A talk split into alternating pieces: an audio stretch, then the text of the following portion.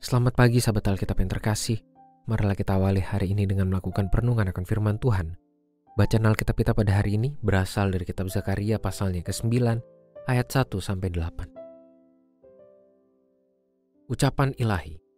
Firman Tuhan ada di negeri Hadrak dan perhentiannya di Damsyik. Sebab kepada Tuhanlah tertuju mata umat manusia, seluruh suku Israel, Hamat yang berbatasan dengannya, juga Tirus dan Sidon, sebab mereka sangat bijaksana. Tirus mendirikan tembok benteng bagi dirinya dan menimbun perak seperti debu serta emas seperti lumpur di jalan. Tetapi sekarang Tuhan akan mengambilnya dan akan melemparkan kekuatan Tirus ke dalam laut, sedangkan kota itu sendiri akan dilahat api. Askelon akan melihatnya, lalu menjadi takut. Gaza juga, lalu sangat gemetar. Ekron pun demikian, sebab harapannya sudah kandas. Dari Gaza, raja akan binasa dan Askelon tidak akan dihuni lagi. Di Asdod akan tinggal keturunan campuran, dan kebanggaan orang Filistin akan kulenyapkan. Aku akan menyingkirkan darah dari mulutnya dan kejijikan dari antara giginya. Mereka yang tersisa akan menjadi milik Allah kita.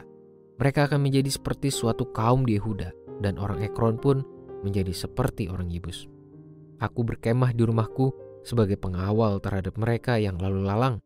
Tidak akan ada lagi penindas mendatanginya, sebab sekarang aku mengawasinya dengan mataku sendiri. Banyak orang, tak terkecuali umat Tuhan, yang mempertanyakan alasan dan tujuan dari kemunculan kenyataan hidup yang pahit. Tidak sedikit pula yang menyalahkan diri maupun Tuhan atas kenyataan tersebut. Bahkan ada pula yang menganggap bahwa semua kemalangan itu adalah bentuk bagian dari rencana Tuhan dalam hidupnya. Namun apakah benar demikian? Lantas bagaimana dengan kenyataan nubuatan para nabi yang justru menunjukkan bahwa Tuhan melakukan hal yang sebaliknya dalam hidup umatnya?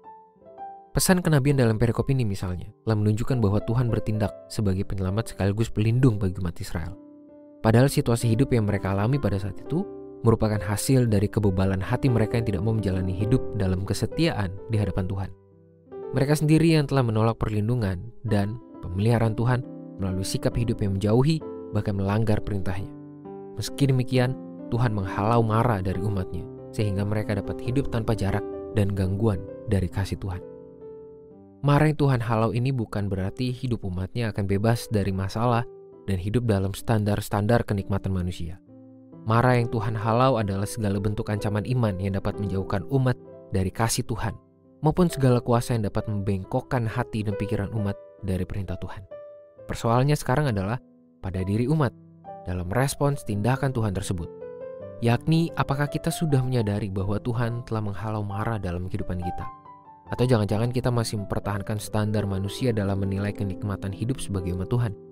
Apakah kita masih terlalu sering mempersalahkan Tuhan atas segala bentuk pergumulan yang kita jalani dengan menganggap bahwa Tuhan tidak memberikan perlindungan bagi kita? Sebagai umat Tuhan, terkhusus melalui permenungan pada hari ini, kita diajak untuk menilik kepada diri sendiri dan membangun pemahaman iman yang lebih adil dalam melihat dan menilai kondisi hidup. Kita juga perlu menyadari penyelamatan dan inisiatif kasih Tuhan yang selalu menghalau marah dari kehidupan kita.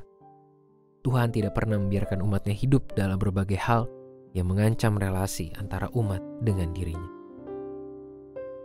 Marilah kita berdoa. Tuhan terima kasih melalui kebenaran firman-Mu yang kami terima pada hari ini. Dan kami renungkan ini, kami telah diajak untuk menyadari bahwa Tuhan selalu bertindak menghalau segala marah dari kehidupan kami segala ancaman bagi relasi antara kami dengan Tuhan. Tolong kami Tuhan untuk mampu menjalani kehidupan ini dengan kesadaran itu.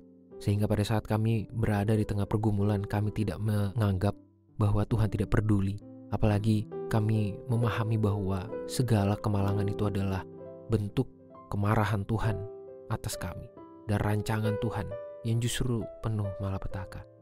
Karena sungguhnya Tuhan selalu menyediakan rancangan penuh damai sejahtera. Tuhan yang memberikan keselamatan. Tuhan yang memulihkan kami.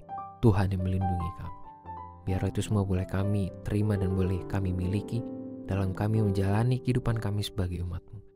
Hanya dalam nama Tuhan kami Yesus Kristus kami berdoa dan mengerahkan segala hati dan pikiran kami kepadamu. Amin.